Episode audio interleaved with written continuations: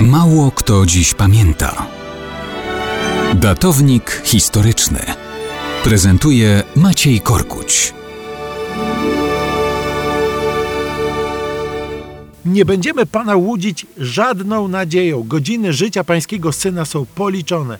Nie przeżyje On wedle rachuby ludzkiej 48 godzin. Usłyszeli rodzice Ludomira Benedyktowicza od lekarzy, którzy robili wszystko, aby go ratować. Benedyktowicz był jednym z młodych powstańców, którzy w styczniu 1863 roku stawili się pod sztandary rządu narodowego do walki z Rosjanami. Niemal dwa miesiące już mijały, kiedy uczestniczył w szeregu bitew, akcji i potyczek w okolicach Ostrowi Mazowieckiej.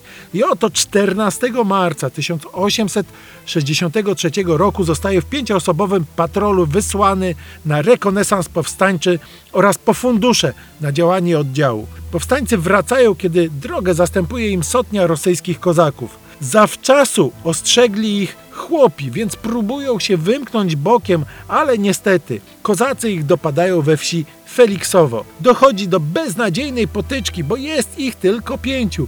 Mimo to walczą. Trzech wyrywa się z matni. Benedyktowicz może uszedłby cało, ale pod nim ubito konia. Pieszo próbuje wycofać się do lasu, ostrzeliwuje się i właśnie kiedy składa się do strzału, kozacka kula trafia go w zgiętą rękę. Druzgocze kości przedramienia i uderza w lewy bok koło serca. Z ręki zostają strzępy. Ludomir pada. Wtedy podjeżdża kozak, zsiada z konia i zemdlonemu obcina dłoń prawej ręki. Widząc strugi krwi, odjeżdża przekonany, że to już będzie tylko trup. Rannym jednak zaopiekowali się mieszkający w okolicy szlachta, chłopi i księża. Lekarze, ratując go potajemnie w obawie gangreny, amputują lewe ramię i prawą rękę powyżej nadgarstka, ale rodzicom żadnej szansy już nie dają. W ciągu dwóch dni Benedyktowicz miał umrzeć.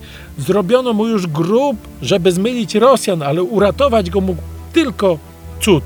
I cud się zdarzył. Po tygodniu Ludomir Benedyktowicz zaczął wracać do zdrowia. Nie miał lewej ręki ani prawej dłoni. Co było dalej? Spróbujemy o tym opowiedzieć jutro.